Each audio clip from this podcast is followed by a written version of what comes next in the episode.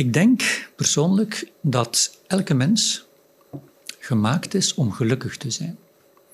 En dat geluk, vreugde, ook in de mogelijkheid ligt van elke mens. Leuk dat je weer kijkt of luistert naar deze nieuwe aflevering van de podcast.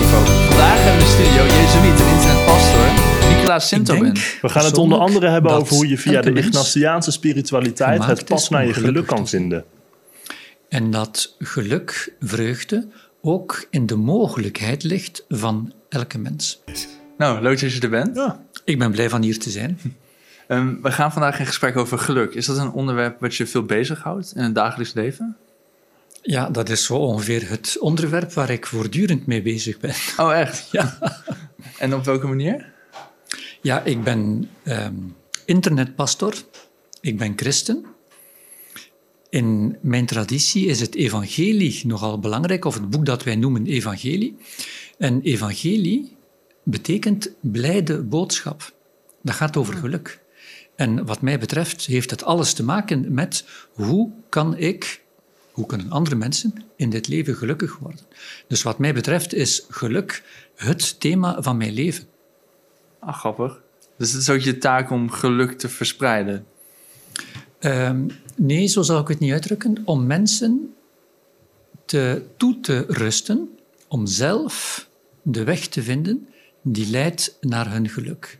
En dat geluk met anderen te delen. Maar ik kan het geluk niet geven aan andere mensen.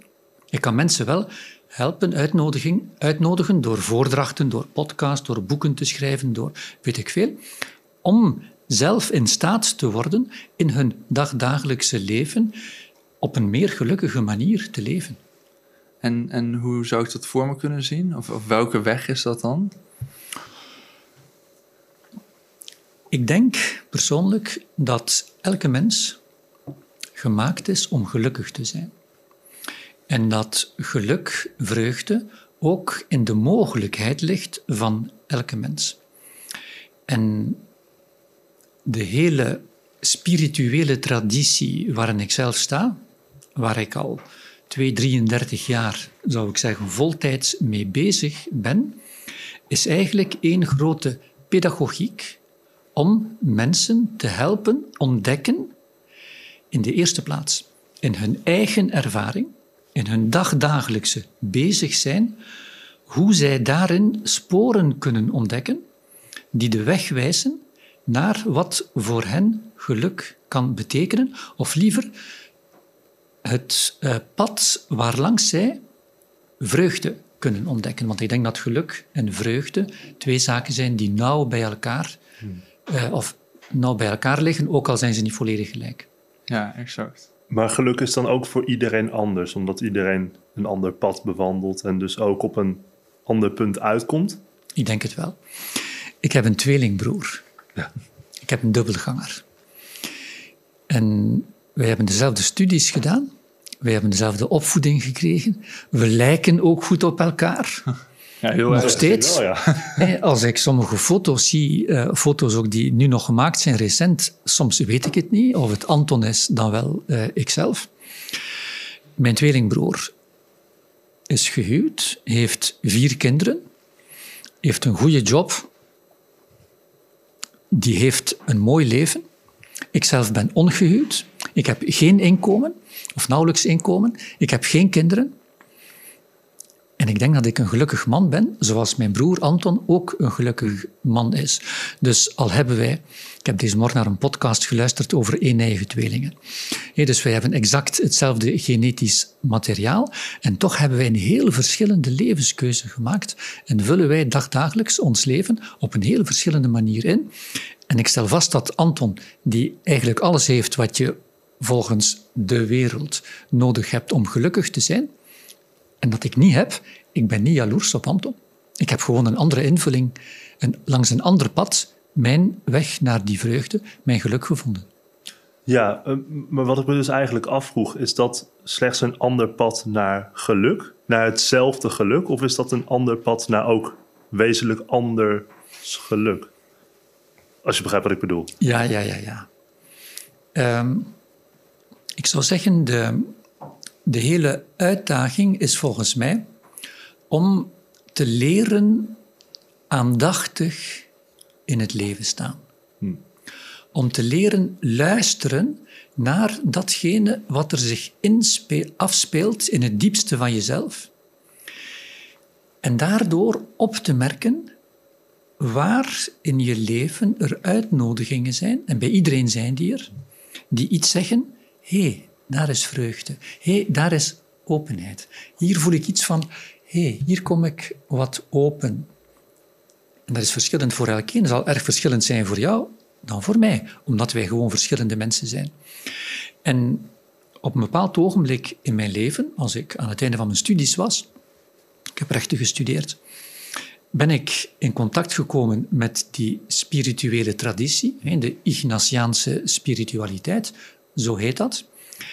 En tot mijn verbazing, tot mijn verbazing ben ik daardoor dat pad voor mezelf op het spoor gekomen. En als ik zeg verbazing, bedoel ik dat ik daardoor een bron van vreugde, een ervaring van vreugde heb ontdekt, waarvan ik gewoon niet wist dat ze bestond.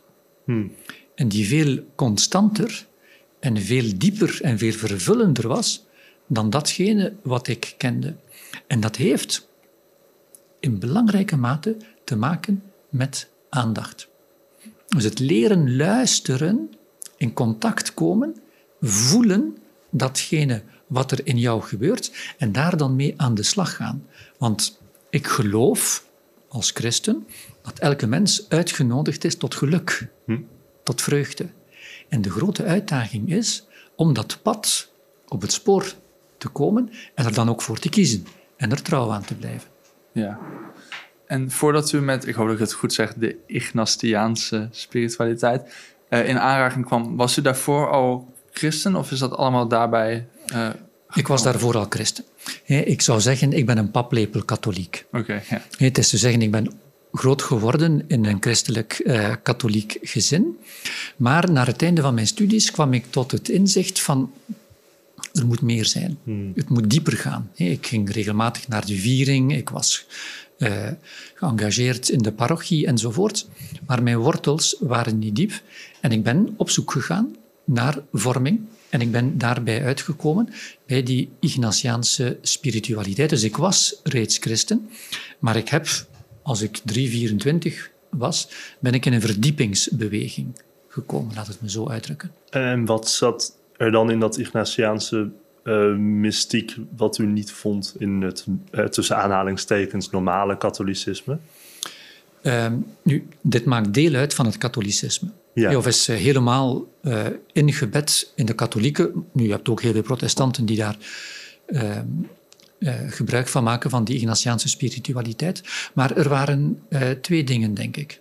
Aan de ene kant heeft het mij geleerd, kan misschien vreemd klinken voor wie wat vertrouwd is met, uh, met de katholieke traditie, maar uh, het heeft mij geleerd om met de Bijbel te bidden. En dus niet enkel de Bijbel te lezen, niet enkel te bestuderen, hm. maar om eigenlijk in de verhalen te kruipen als in een theaterstuk, als in een film, hm. en te voelen, ik heb reeds over voelen gesproken, te voelen wat dat met jou doet, wat dat met mij uh, deed. Dus aan de ene kant een heel nieuwe manier, voor mij althans, om met de Bijbel om te gaan.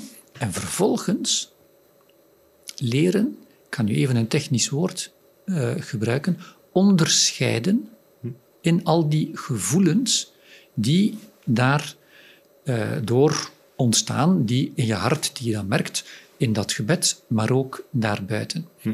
En eigenlijk leren lezen in het boek van mijn gevoelens. Dat heb ik leren doen. Hm. Dus die uh, gevoelens niet zomaar beschouwen als iets leuk. Hè. Soms voel je je leuk, soms voel je je droef, soms heb je een baaldag enzovoort. Ja, oké, dat komt, dat gaat. Daar, dat is een beetje willekeurig, je hebt daar niks mee. Of je kan daar niks mee. Toch wel, toch wel, dat is wat ik althans uh, geleerd heb. Je kan, en daar heb ik ook een boek over geschreven, Vertrouw op, uh, op je gevoel. Je kan met die gevoelens daadwerkelijk uh, aan de slag gaan. En niet enkel voor lichte, luchte dingen. Ik ga nu even heel breed gaan en uh, heel zwaar inzetten. Iemand als Paus Franciscus die leiding geeft aan een organisatie van 1 miljard 300 miljoen mensen. Ja. Paus Franciscus, die dus een hele grote eh, CEO is, die werkt volledig op die manier. Want Paus Franciscus is zelf, zoals ik, Jezuïet en is een hele grote specialist van die Ignatiaanse spiritualiteit. En zijn beslissingen, de grote lijnen die hij geeft in zijn beleid binnen de katholieke kerk, wordt in laatste instantie ingegeven door het luisteren naar wat er gebeurt in zijn hart terwijl hij bidt. Elke morgen begint die man met twee uur stil gebed. Terwijl hij bidt, vaak met bijbelteksten of op andere manieren, rond de grote vragen waar hij eh, standpunt moet innemen. Maar hij luistert ten gronde naar wat er gebeurt in zijn diepste innerlijkheid. En dat heb ik, dat is voor mij een buitengewoon geschenk geweest, heb ik ontdekt, ben ik beginnen ontdekken als ik 3, 24 jaar was. En dit, dit eh, stille gebed waar u het over heeft, is dat dan ook een beetje te vergelijken met mediteren? Ehm, je hebt verschillende vormen om dat stille gebed te doen en meditatie is daar één vorm van. Maar heel vaak wordt bij ons hier eh, het woord meditatie gebruikt vanuit een meer Oosterse, Ja. eh, Ja. boeddhistische invalshoek. Ja. En er is een heel groot verschil tussen boeddhistische meditatie en christelijke meditatie. Omdat ik, ben, ik pretendeer geen specialist te zijn van boeddhistische meditatie, maar ik weet er wel iets van. En het grote verschil is dat in de boeddhistische meditatie, hè, ik hoop dat ik geen stommiteiten zeg, het gaat om stilte, om los te laten om zoveel mogelijk los te laten en als het los is, het ook los te laten en in die stilte te blijven. Terwijl bij christelijke meditatie en christelijk gebed in het algemeen is stilte ook heel belangrijk, is loslaten ook heel belangrijk, maar dat is pas een begin. En dan begint het eigenlijke gebed, dat veel meer een ontmoeting is. Eh, Het boeddhisme is niet echt een godsdienst. Het is wel een religie, maar is geen godsdienst. De boeddhisten hebben geen god. Hey, Boeddha is, is geen god, was een mens. Eh, terwijl christenen geloven in een god. En bidden betekent eigenlijk dat je probeert in een relatie te komen met God. En in die zin is de stilte of de leegte die je creëert in het christelijke gebed een opstapje om ruimte te scheppen, om God binnen te laten en om gehoor te kunnen geven, bijvoorbeeld door die gevoelens, aan hoe God met jou aan de slag wil gaan. En hoe moet ik dat dan voor me zien? Je, je, je komt dus in zo'n ehm, zo'n sfeer van stilte en dan op een gegeven moment kun je daartoe tot, tot God treden. Of, Ja, ik snap je vraag, eh, want dat klinkt inderdaad, hè, God ontmoeten, wat wil dat nu zeggen? Hè? Eh, of eh, ervaren wat God met jou voor heeft. Ik heb nog nooit een stem gehoord van boven. Laat ons heel duidelijk zijn. Ik krijg geen boodschappen, ik krijg ook geen visioenen. Er bestaan visioenen, dat bestaat, hè, maar aan mij is dat niet gegeven. En ik verwacht dat ook niet. Heel concreet, ik ga een voorbeeld geven. Als ik bid met een Bijbeltekst, met een verhaal, dan bid ik liefst met een verhaal. Een verhaal van Jezus die bepaalde zaken doet, eh, die mensen ontmoet, geneest, eh, weet ik veel. Dan ga ik eigenlijk, ga eerst tijd nemen om stil te worden. Ook met mijn lichaam. Als ik zo zit gespannen, ja, dan is het moeilijk om te luisteren. Hé, dus eerst echt tot stilte, rust komen, met mijn lichaam in de eerste plaats, met mijn hoofd, met mijn hart, om ontvankelijk te kunnen worden. En soms gaat de hele tijd van het gebed daarin op. Hè? En dan kan je de volgende keer verder gaan. Maar als je gespannen bent, ja, Ja. Dan, hè, dan kan het ook al goed zijn. En als ik dan tot rust kom, tot stilte, dan kan ik in zo'n tekst in gaan kruipen. En dan bedoel ik daarmee dat ik eigenlijk de tekst ga beleven. Mij ga identificeren met een personage bijvoorbeeld. Hè, iemand tot wie Jezus spreekt, of die hij gaat genezen, of met wie, die met hem meestapt, eh, weet ik veel. Volgens het verhaal. En ga ik, dat is iets wat je leert, hè, dat doe je niet zomaar van de ene keer op de andere, heel rustig, heel traag luisteren, kijken, ruiken, voelen, met al de zintuigen. En dan aan, aandacht krijgen voor hoe word ik nu persoonlijk hier geraakt. Niet welke buitengewoon interessante ideeën ga je daarbij ontwikkelen. Er zijn bibliotheken volgeschreven daarover. dat is niet nodig. Er zijn geleerden die dat veel beter weten dan ik. Maar wel, waar hier voel ik ineens, hé, hey, ik voel rust. Hé, hey, bij die beweging, ik was eigenlijk wat droevig. En dan hoor of zie ik van die tekst dat beeld en ik voel ineens, er gebeurt iets. Hé, wat gebeurt er? En daar dan verder in gaan. En dan proberen te verfijnen en te zien, maar wat in die zin, welk woord, welk beeld precies, enzovoort. En als je dat niet, niet één keer, hè, dat is iets wat je weken, maanden, jaren, om daarin te groeien, dan kan je op bepaalde ogenblikken heel scherp, heel precies tot bepaalde inzichten komen die zo sterk kunnen zijn dat je zegt, ja, dit is het gewoon. Hier kan ik niet aan twijfelen, om, omdat het een ervaring is. Ik heb het gewoon gevoeld, in het diepste van mezelf. En nu mag je op je kop gaan staan. Nu mag de hemel op, mijn, op mij neerkomen, weet ik veel. ik heb het gewoon ervaren. En zo'n momenten heb ik gehad. En dat heeft mijn leven heel grondig eh, veranderd, geleidelijk aan, en, en ook een aantal zaken bevestigd. van, ja, je bent op het goede pad. Je mag verder gaan. Ja, dat kan ik me voorstellen. Er zijn er ook teksten waar dat bijvoorbeeld minder mee kan? Of dat, dat je teksten waar je dat bijvoorbeeld die persoonlijk heel erg dicht bij je liggen? Heel zeker. Dus er zijn er is maar een beperkt aantal teksten van de... Of zeker, ik ga het anders zeggen, niet alle teksten van de Bijbel komen daarvoor in aanmerking, bijvoorbeeld. maar ik herinner mij... Dus ik, heb een, ik ben jezuïet, dus kloosterling, en uh, ik heb een hele lange opleiding gekregen.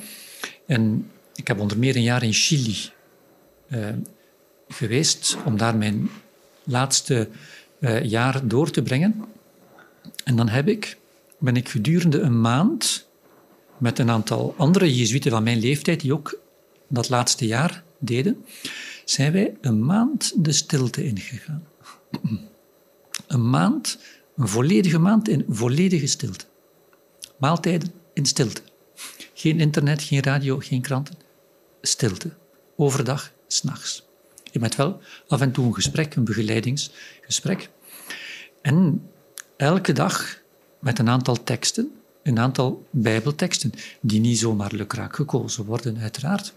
daarin kruipen en zo verdiepen en verdiepen en verstellen en verstellen en steeds fijner gaan aanvoelen, hé, hey, waar klopt mijn hart hier? Waar voel ik, want dat gaat meestal niet over van die fantastische ervaringen, hè? dat gaat over heel eenvoudige hmm. kleine dingetjes, zoals het gewone leven, maar leren luisteren.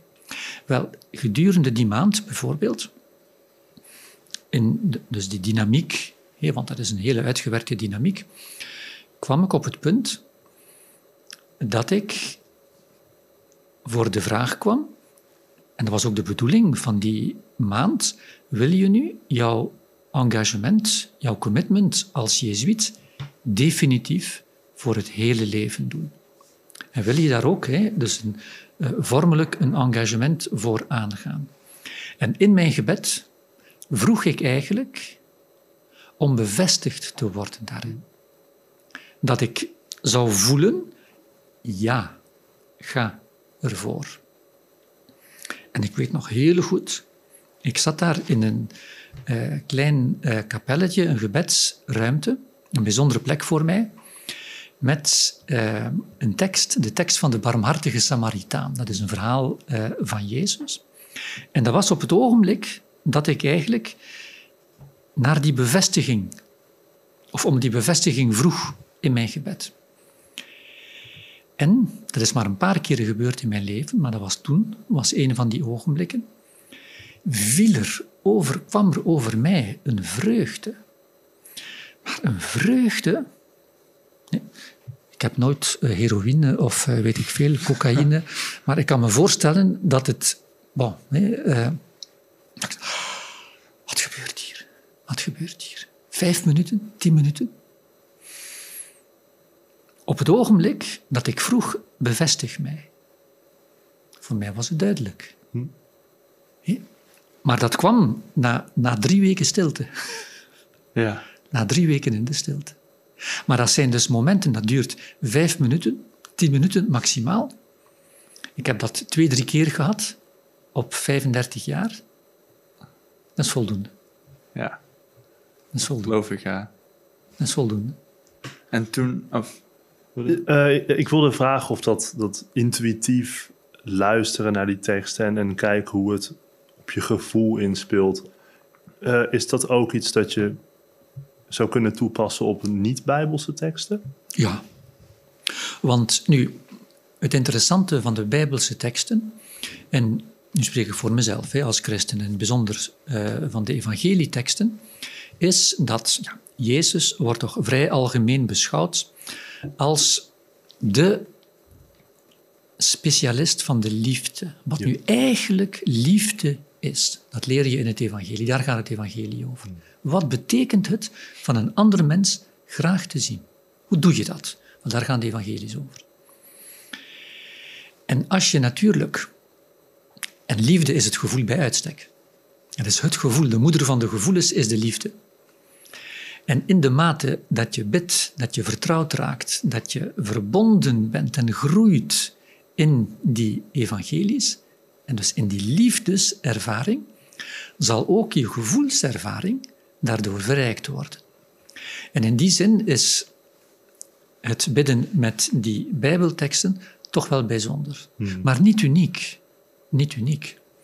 Want in de traditie waarin ik sta, in die Ignatiaanse spiritualiteit, heb je naast het Bijbelgebed ook een andere gebedsvorm, die, ik zou bijna zeggen, even belangrijk is. En die heeft een heel eenvoudige naam, levensgebed.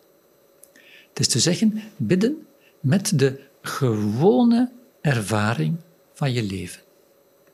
Wat er gebeurd is in die dag, ga je bijvoorbeeld, ik doe dat elke avond, tien minuten, voor het, eh, we doen het eigenlijk samen al in onze gemeenschap met de andere eh Jezuïeten, na de avondmaaltijd, vooraleer we de afwas doen, gaan we samen naar de huiskapel, tien minuten in stilte, om levensgebed te doen. En wat betekent dat? Dan ga je tien minuten de stilte in om terug te blikken op de video van de voorbije dag. Wat is er gebeurd? En ga je in het bijzonder op zoek, al biddend, naar die vreugde. Naar iets van... Ik heb daar in de tram heb ik, twee mensen gewoon lief zien zijn voor elkaar. Dat heeft me deugd gedaan. Of eh, ik was voor het, gisteren, dat heeft me echt getroffen, ik moest een bepaalde olie gaan kopen. En ik ging in een winkel. Die vrouw zei nee, maar ik weet wel, er is een winkel daar, ik zal het voor u neerschrijven, meneer. En dus die pakte een, een papiertje, die, die nam heel wat tijd om een wild vreemde iets te laten kopen in een winkel waar zij niks mee... Ik dacht, hé, hey, dat is toch wel... Waar in je dag heb je iets meegemaakt? En dat niet één keer, maar regelmatig. En dan ga je na verloop van tijd rode draden zien. Ga je patronen zien. Ga je zeggen, hé, hey, maar elke keer als ik op die manier in mijn werk, als ik op die manier in mijn relaties, als ik op die manier met mezelf omga, ik had het eigenlijk niet beseft. Maar elke keer ga ik zo, of in tegendeel, ga ik naar beneden. Hé, hey, misschien zegt dat wel iets over het vreugdepad waarop, zeg ik dan, God mij uitnodigt. En als je ook als je niet gelovig bent of in een andere God, weet ik veel, als je luistert naar je hele diepe ervaring, ervaring, wat ik in het diepste van mezelf meemaakt, ja, dat is belangrijk. Dat is belangrijk. Ja, het is echt een manier van leven waardoor je heel erg bewust in het leven. Je had het eerder ook over aandacht voor het, voor het juiste pad. Ja. Dus je komt inderdaad op een hele bewuste manier in het leven te staan. Ja, inderdaad. Ja, en uh, heb je ook, want als je dan de Ignastiaanse um, spiritualiteit, ik weet niet of, of, of, onderwijs het goede woord is, maar als je dat onderwijst aan, aan mensen, zitten er ook mensen bij die niet gelovig zijn? Uh, voor een stuk wel. Uh, bijvoorbeeld, ik geef regelmatig trainingen, voordrachten voor zakenlui. en sommige van die zakenlui zijn christen, andere niet zijn moslim of zijn, weet ik veel, uh, of hebben geen geloof. Uh, omdat die manier van luisteren, die aandacht en de hele pedagogiek die daarmee gepaard gaat, want dat kan je doen op je eentje, maar je kan het ook doen in groep bijvoorbeeld, kan, is enorm waardevol en rijk voor elkeen eigenlijk om in je leven keuzes te maken. De hele Ignatiaanse spiritualiteit is eigenlijk, volgens sommigen, en daar is heel wat voor te zeggen, één grote keuzepedagogiek. Hoe maak ik keuzes die werkelijk aansluiten bij de persoon die ik ben? Niet gewoon een leuke idee, niet gewoon iets wat mijn vriendje of mijn vriendinnetje of mijn papa of mijn, mijn, mijn baas. Nee, iets wat ik werkelijk voel in mezelf, hoe kom ik er op het spoor? En als ik er op het spoor kom, hoe ga ik het in de praktijk ga verifiëren dat het werkelijk is datgene waartoe ik, zou ik zeggen, geroepen ben, en er dan ook daadwerkelijk voor kiezen. Hm. En daar heb je, om het zo uit te drukken, technieken voor. En de, de traditie waarin ik sta, is al 500 jaar bezig. Dus die heeft echt wel zijn, uh, zijn sporen verdiend.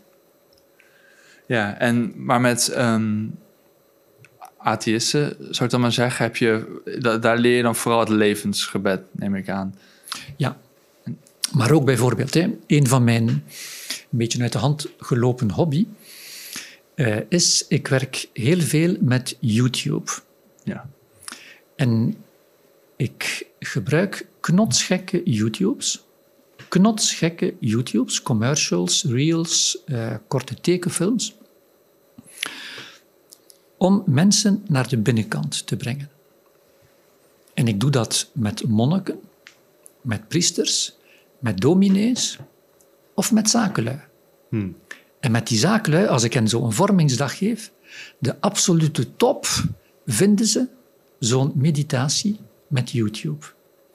En dat zijn ongeveer dezelfde meditaties als ik geef aan die monniken van die priesters. Ik heb daar een website voor, verderkijken.org. Daar vind je honderden van dergelijke uh, YouTubes. Dus dat zijn geen bijbelteksten, maar de bijbelteksten die ik zou gebruiken zijn verhalen. En ik heb gezegd verhalen nee, waar je moet naar kijken, luisteren. Visual stories heet dat. En vandaag een commercial een reclameboodschap. Dat is niet meer, je moet deze soort waspoeder kopen, want bij zoveel... Nee, nee. Dat is een verhaal dat wordt verteld. Hmm. Ja. En veel van die commercials zijn verhalen. Wel, ik gebruik dergelijke commercials als verhaal om naar de binnenkant te gaan. En dat werkt ongelooflijk. En dat is puur seculier. Dat is puur seculier. En de christen kan dat in verband brengen met God. En de niet-christen kan daar een heel eigen invulling aan geven. Ja. Ja. ja.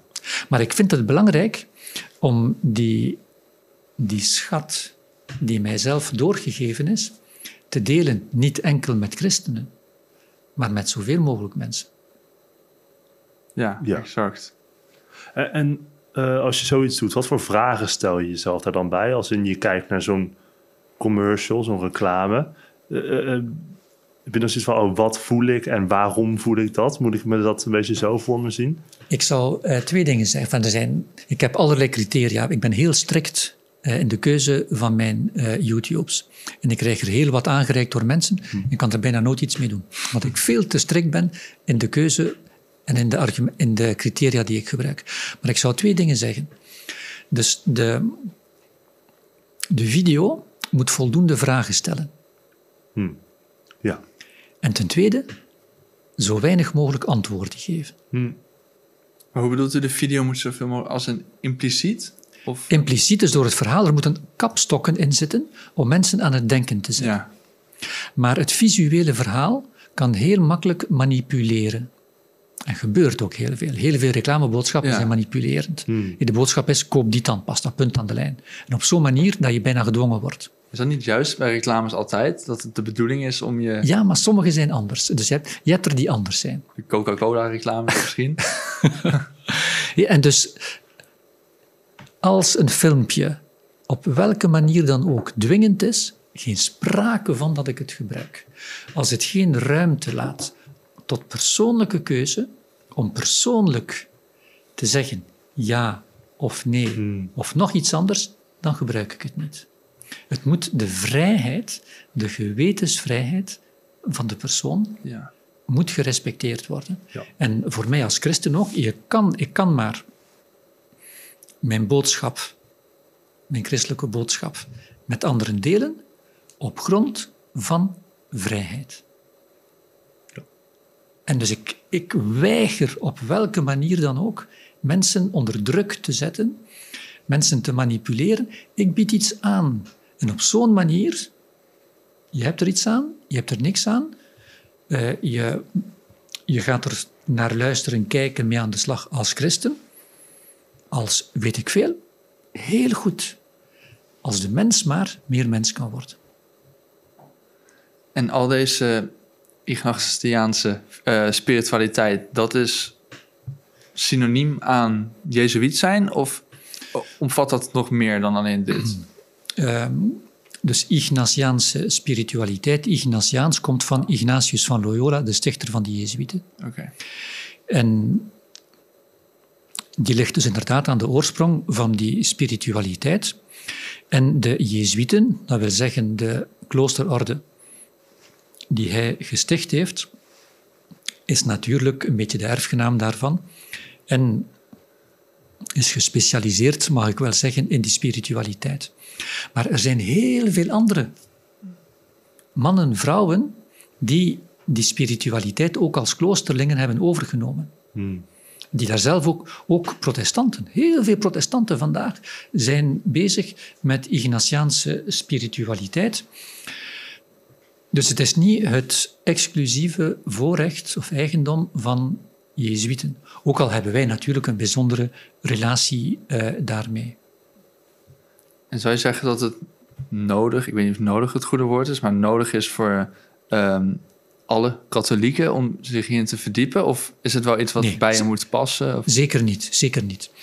Want, eh, hoe zou ik zeggen, de, een van de kenmerken van de katholieke kerk is dat er heel veel verschillende spiritualiteiten zijn.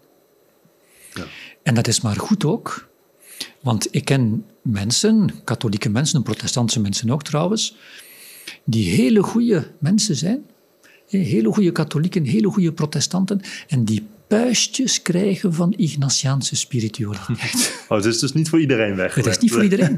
Want bijvoorbeeld, het vraagt om elke keer terug te blikken, naar de binnenkant te gaan kijken. Mhm. En sommige mensen zijn daar goed in en vinden dat aangenaam. En anderen zeggen, alsjeblieft, laat mij gerust. Altijd maar moeten terugblikken, daarover na gaan denken. Zeg mij wat ik moet doen enzovoort. Het is veel te ingewikkeld voor mij. En dat mag, Ja. dat mag, dat mag. Of de monniken bijvoorbeeld, die in de abdij wonen, die een heel strikt leven hebben, die gaan elke dag dezelfde gebeden. Elke dag. En het is de herhaling, de herhaling, steeds maar hetzelfde, die voor hen geleidelijk aan verdieping gaat teweegbrengen.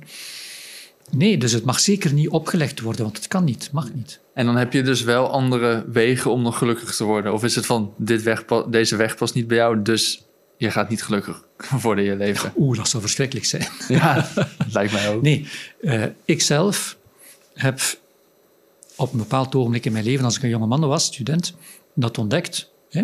En ik denk inderdaad dat dat voor mij een weg geweest is, en nog steeds, naar geluk.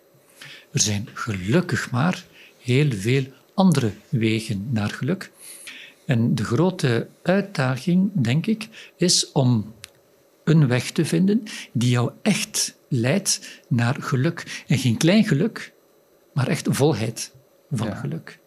Denkt u, dat, denkt u dat er aan zo'n weg wel altijd een spiritueel component zit? Of hoeft dat ook niet per se? Nou, dat vind ik een mooie vraag. Ehm, de praktijk wijst uit dat voor veel mensen daar geen expliciet of bewuste spirituele component eh, aan verbonden is. Hmm. Ja, niet bewust Al- inderdaad. althans, niet bewust. Ik denk eerlijk gezegd, ik zou daar twee dingen willen over zeggen. Ik denk, sommigen gaan misschien op hun achterste poten staan als ik dat zeg, maar ik denk dat je in zekere zin niet kan zonder spiritualiteit. Spiritualiteit in de zin van een leesbril om te kijken naar de werkelijkheid. Ja, Want iedereen heeft de facto een bepaalde leesbril waarop, die jij gebruikt om te kijken naar... Hé, jij kijkt op een andere manier naar de werkelijkheid. Jij ziet andere dingen dan ik, omdat jij een andere leesbril op hebt. Omdat jij gewoon verschillend bent. Dus elkeen heeft dat. Hé, spiritualiteit komt van het woord spiritus, geest. Vanuit een bepaalde geest, een bepaalde ingesteldheid kijken. Dus volgens mij kan je niet zonder. En heeft elkeen gelovig, niet gelovig, op zich staat het daar los van. Ik denk persoonlijk dat de spirituele component in de beperkende zin van het woord, in de religieuze zin van het woord, die eh, dus heel wat mensen zeggen, nee, dat heb ik niet. Ja. Eh, ik zelf ervaar dat als gewoon een verrijking, als een bijkomend perspectief dat mij gegeven wordt en dat ik eigenlijk aan zoveel mogelijk mensen toewens. ja. Ja, ik kan me voorstellen dat het christendom voor jou een hele, ook een bron van geluk is. Ehm, ja, misschien leg ik nu woorden in, in, in je mond, maar ehm, en ik vraag me af, is het mogelijk om, hè, bijvoorbeeld, ik ben atheïst, om voor mij zo, ehm, hoe zeg je dat, op hetzelfde, hetzelfde niveau van geluk te bereiken als iemand die via het geloof zijn geluk bereikt? Daar kan ik niet over oordelen. Nee, dat is. Ik kan mij niet in jouw plaats zetten. Dus daar wil, durf ik geen uitspraak eh, over doen. Dat kan ik mij niet aanmatigen. Ik kan niet in jouw schoenen staan. Ik kan niet in jouw vel staan. Wat ik wel denk is, wat ik net zeg, het is een andere dimensie. Het is een bijkomende eh, dimensie. En ja, een bijkomende dimensie die waarschijnlijk ook bepaalde aspecten kan aanreiken die je zonder die bijkomende dimensie misschien op een andere manier, maar misschien ook niet, kan, eh, kan ervaren. Maar ik kan daar niet over oordelen in jouw plaats. Nee, precies. En dat weiger ik ook, want dat zou aanmatigend zijn. Nee, oké. Dus het is ook niet, je voor, ik kom als hè, atheïst bij jou op... Ik, ik, ik weet niet of... Is het dan een, geef je dan cursussen bijvoorbeeld? Oh, ik geef voordrachten, eh, Ja. ja. eh, en voor ik weet dat de boeken die ik schrijf, die worden ook gelezen door atheïsten. Ja. omdat ze heel toegepast eh, zijn en heel wat, ik zou bijna zeggen, instrumenten aanreiken die geïnspireerd zijn door die Ignatiaanse spiritualiteit in die zoektocht naar geluk die elke mens, elke mens heeft. Ja. En het bijzondere van die Ignatius is dat hij eigenlijk, die heeft niet echt een leer. In zekere zin is die spiritualiteit, in zekere zin, ik zal het uitleggen, is die spiritualiteit leeg. Het is gewoon een leesbril die je plaatst op jouw ervaring, Ja. om in jouw ervaring op zoek te gaan. Maar het is een heel efficiënte leesbril om allerlei zaken op het spoor te komen. En als je ze op het spoor komt, om ermee aan de slag te gaan. En de religieuze dimensie, de geloofsdimensie, is daar belangrijk bij. Maar bijvoorbeeld mijn laatste boek heb ik zo geschreven dat het zowel door christenen als door niet-christenen kan worden gelezen. En ik vooronderstel het geloof niet. Om nu even een hele groot eh, statement, enfin, statement is geen statement. De Jezuïeten dus de kloosterorde waartoe ik behoor, heeft in de 16e eeuw, in het bijzonder in katholiek Europa, het middelbaar onderwijs uitgevonden. Bestond niet. was nieuw. De Jezuïeten zijn daarmee begonnen. Maar wat heel bijzonder is, is de naam die zij gegeven hebben aan dat middelbaar onderwijs. En die naam wordt thans in Vlaanderen, je hebt al gehoord dat ik uit Vlaanderen kom, nog steeds gebruikt, algemeen. Die, die naam is in Nederland nauwelijks bekend. Dus in Vlaanderen ga je, als je als een kind van 12 naar het middelbaar onderwijs gaat, begint het aan de humaniora. Dat heb ik wel eens gehoord, ja. Dat is een algemeen, dus iedereen gebruikt dat woord humaniora. En dat woord is gelanceerd door de Jezuïeten, want zo hebben zij in de 16e eeuw, tweede helft van de 16e eeuw, hun, hun onderwijssysteem genoemd. En wat betekent humaniora? Betekent, het is niet Christianora. Het is niet meer christen worden. Het is humaniora. Meer mens worden. Ja. Daar gaat het over. Meer mens worden. En persoonlijk, een van de redenen waarom ik 33 jaar geleden ervoor gekozen heb om kloosterling te worden, en ik kan je verzekeren, dat was voor mij een donderslag bij klaarlichte hemel. Ik was advocaat, ik leefde op een heel andere manier. Was dat het voor mij duidelijk werd: dit is voor mij de manier, voor mij, om ten volle mens te worden. Voor mij. Hm. Van mijn tweelingbroer was het anders. Maar voor mij, die manier. Humaniora, meer mens worden. Maakt dat voor u bijvoorbeeld uh, christendom ook niet legitiemer als religie dan bijvoorbeeld een andere? Als in, uh, is christendom voor u um, de, de ultieme manier om, laat maar zeggen, alles te verklaren? Of maakt dat elke religie eigenlijk even legitiem op die manier? Ik uh, ga niet vergelijken. Oké. Want ik kan niet vergelijken. Um, ik denk wel dat het uh, christendom de religie van de menswording hmm. bij uitstek is. Ja. En dat is ook, los van de Jezuïeten, los van de Ignatiaanse spiritualiteit, de menswording is absoluut centraal in het christelijk geloof, de persoon. Ja. De uniciteit van de mens, van elke mens. En dat is iets dat heel eigen is, denk ik, aan het christendom. Mm en waarschijnlijk uh, uniek. Wat bijzonder is voor het christendom. Ik zeg niet dat, het dat, dat uh, daar in andere godsdiensten geen aandacht uh, voor is. Maar wat, wat wel duidelijk is, denk ik, en algemeen wordt aanvaard ook door andere godsdiensten, is dat dat binnen het christendom een bijzondere plaats heeft. Zoals bijvoorbeeld, dus de islam is, of de islam is de godsdienst van, van van het respect voor God. Het een ongelooflijk belang van de transcendentie van God. of zoals de, in het Jodendom uh, uh, het geloof in de Messias en de wet heel belangrijk zijn. Wel, in het christendom is het de liefde in de mens. Ja, en ja, dat zijn verschillen. En die verschillen mogen er zijn. En ik zeg ook weer niet, het doet er niet toe, je mag dit zijn. Mag... Ik denk dat het, voor mij is het christendom uniek. Hmm. Voor mij is het christendom uniek. Maar in dat opzicht kun je eigenlijk heel veel leren van alles. Van allemaal. Ik heb deze morgen een artikel gelezen in een tijdschrift dat we hebben, Ignis.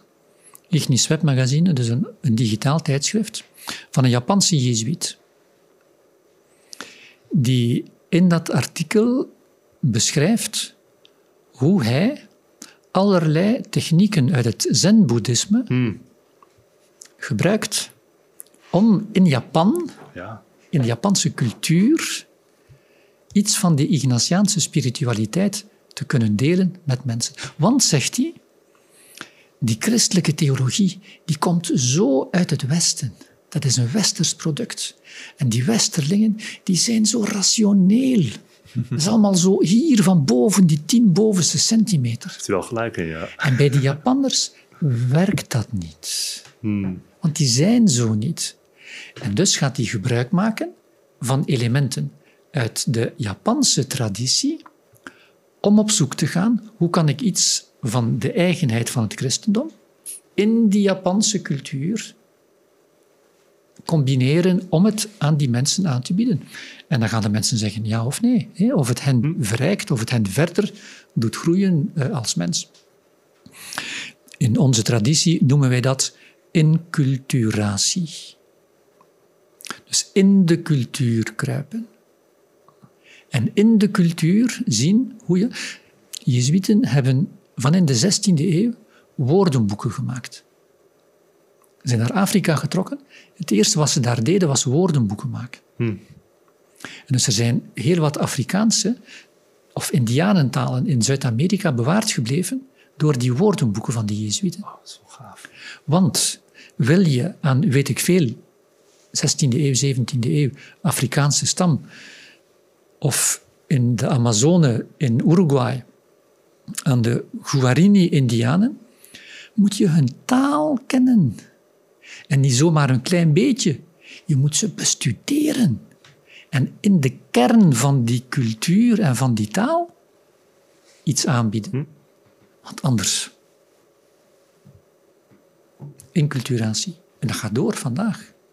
Daarom nodig ik mensen uit en heb ik een hele pedagogiek ontwikkeld om mensen te doen bidden, mediteren met YouTube. Niet ondanks YouTube, maar mhm. dankzij YouTube. Incultureren. Ja. In de cultuur. Ja. Ja, en zo blijft het ook relevant. Welk dat nog? Ja, anders, anders spreken we over een, over een museaal product van, van. En bovendien, kijk.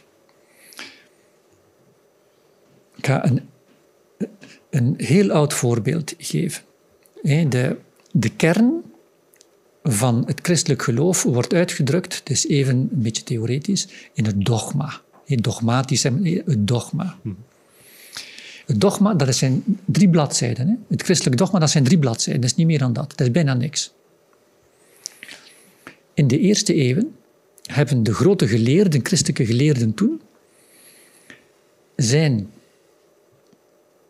in de Griekse filosofie, die niks te maken had met de Bijbel, maar die wel de cultuur was die toen belangrijk was, mhm. zijn ze in de Griekse filosofie gaan putten om begrippen te vinden, om de theologie en het geloofdenken te kunnen verwoorden.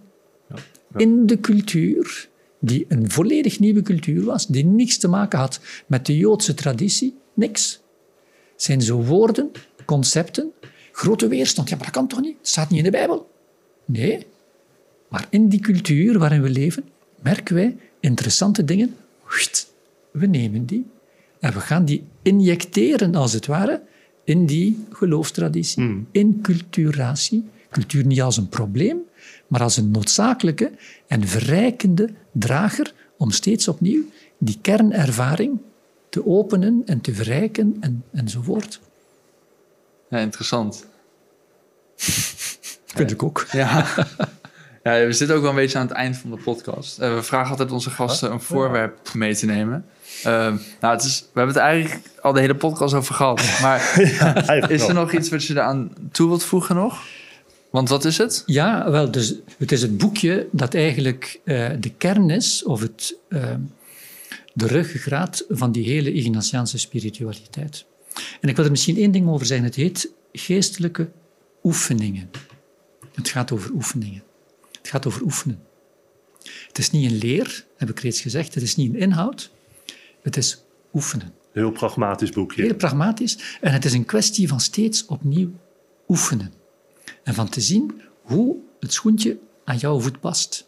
En aanpassen en door te oefenen steeds opnieuw en zo te groeien en verder te gaan. Het is een levenslang avontuur. Ja, mooi. Ja.